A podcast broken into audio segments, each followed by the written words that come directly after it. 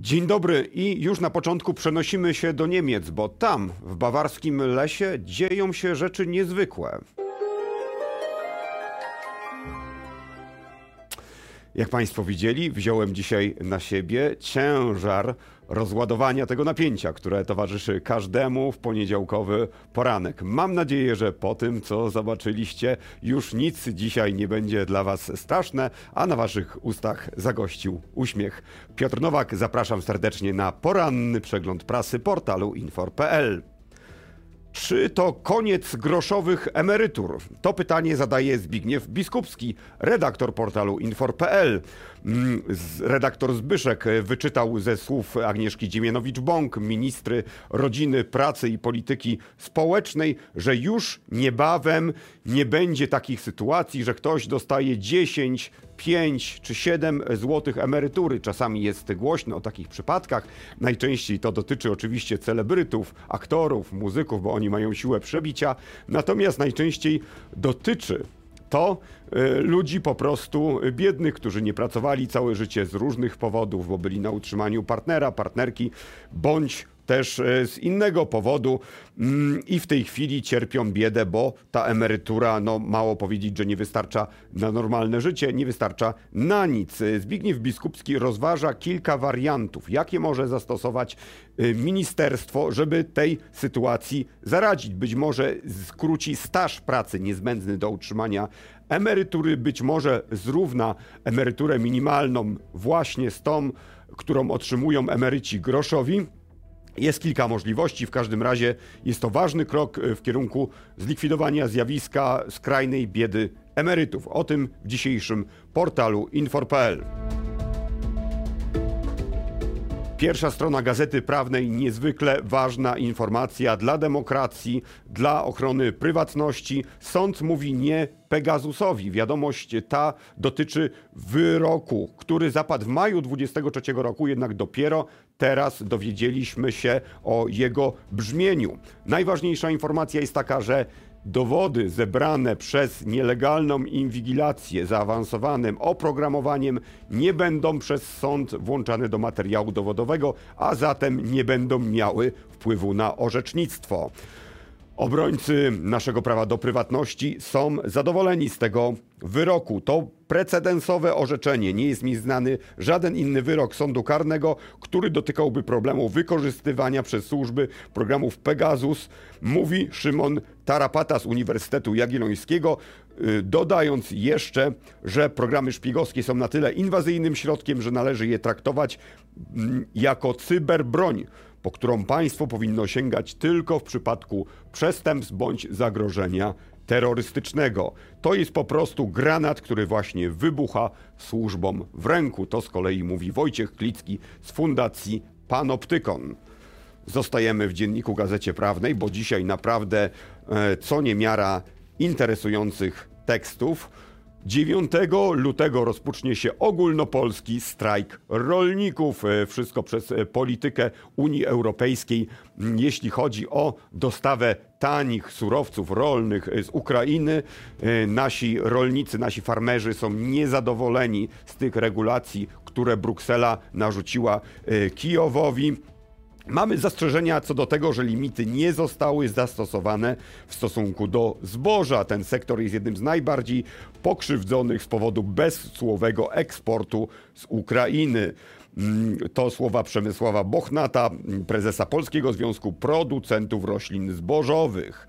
E, rolnicy wskazują również, że konieczne jest ograniczenie e, także importu drobiu. Natomiast co mówi Unia Europejska? Unia Europejska chce reagować dopiero wtedy, kiedy równowaga na rynku zostanie zaburzona, a kiedy to się stanie, to już będzie arbitralna decyzja wspólnoty.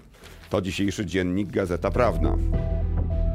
Tobiasz Bocheński, rywalem Rafała Trzaskowskiego, w, stoli, w stolicy, w wyborach samorządowych.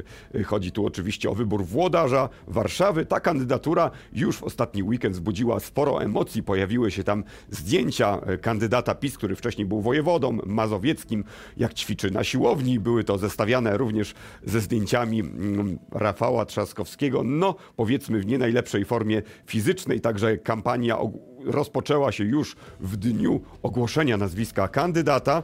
E, pojawiła się również jakaś tajemnicza e, kobieta w, towarzy- w towarzystwie Tobiasza Bocheńskiego. Internauci zwracali uwagę, że kandydat jest niezwykle przystojny. Także już wiemy, że mm, będzie e, tematem rozbudzającym wyobraźnię nie tylko sprawy, nie będą, będą nimi tylko sprawy polityczne, ale również sprawy estetyczne. Więcej o Tobiaszu Becheńskim, rywalu Rafała Trzaskowskiego w dzisiejszej Gazecie Polskiej codziennie. Branża piwna w tarapatach, e, bo spada sprzedaż złotego trunku w Polsce. 6,5% o tyle zmalał wolumen w zeszłym roku. Ma na to wpływ między innymi paradoksalnie słaba e, pogoda, mało słońca latem ostatniego roku, ale również wzrost kosztów produkcji, a co za tym idzie wzrost ceny na półce. Mm, także mm, to już nie są złote czasy polskiego piwa, kiedy ta sprzedaż rosła po kilkanaście punktów procentowych rocznie. W tej chwili rynek jest w stagnacji. Więcej o tym, o kondycji polskiej branży piwnej w dzisiejszym pulsie biznesu. Co jakiś czas jesteśmy raczeni różnymi informacjami na temat osobliwości na rynku mieszkaniowym. Z taką porcją przychodzi również poniedziałkowa gazeta wyborcza, która opisuje niezwykłe rzeczy, które dzieją się w Katowicach, gdzie mm, jeden z inwestorów, tak zwanych, przerobił stare suszarnie na mieszkania. Mało tego, te suszarnie zostały jeszcze podzielone na małe kawalerki o powierzchni, uwaga, 8,32 m2, 11, 8,8, 9,64 i 6,63. W takich warunkach będą mieszkać Polacy. To dzisiejsza wyborcza. Nie planujemy zmian w 800, mówi Agnieszka Dziemianowicz-Bąk, ministra e, rodziny, pracy i polityki społecznej. W wywiadzie dla Rzeczpospolitej członkini rządu zapewnia również, że nie zostanie podniesiony wiek emerytalny dla kobiet, ani też dla nikogo e, innego. Mm, e, polityczka opowiada również o zmianach w zakładzie ubezpieczeń społecznych, mówiąc, ZUS to potężna instytucja, która świadczy usługi tak podstawowe, tak fundamentalne jak emerytury, renty, świadczenia rodzinne i socjalne. Mm, dlatego też y, decyzja o wyborze nowego szefa ZUS-u y, po Gertrudzie Uścińskiej y, jest poprzedzona kilkuetapowym procesem rekrutacji. Chcą znaleźć ludzie z ministerstwa po prostu najlepszego E, kandydata czy kandydatkę, szczególnie, że w ZUS-ie było gorąco, były tam napięcia pracownicze, pracownicy skarżyli się na mobbing, było nielegalne zwolnienie działaczki, liderki związkowej, mm, także e, również w wywiadzie z Agnieszką Dziemianowicz-Bąk o sanacji ZUS-u, a także o tym, na jakie świadczenia, na jakie zasiłki będą mogli liczyć Polacy i Polki.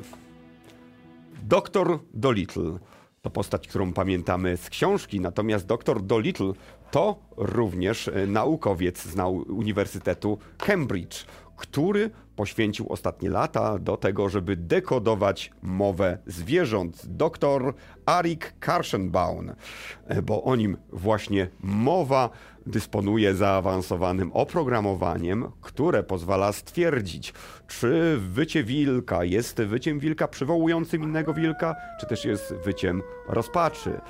Czy delfiny mają swoje imiona? Okazuje się, że prawdopodobnie tak. I właśnie na algorytmach doktora e, Kerschenbauma e, to jest e, widoczne. Mm, okazuje się, że świnki wołają siebie do koryta, informując, jaki rodzaj pożywienia właśnie został e, wrzucony e, do michy. Świnki również czasami są smutne, czasami są radosne, takie emocje sobie przekazują. Wiemy również, e, co mniej więcej oznacza śpiew ptaków, choć tutaj dr Kerschenbaum zastrzega, że jest to materia najbardziej skomplikowana. No, na koniec jednak informacja taka, że prawdopodobnie nigdy nie doczekamy się takiego translatora, który będzie przekształcał mowę naszego pieska czy kotka w nasze ludzkie słowa. Z jednego prostego powodu zwierzęta niestety nie wykształciły języka. To był poranny przegląd prasy portalu infor.pl. Kłaniam się nisko i do zobaczenia już jutro. Piotr Nowak.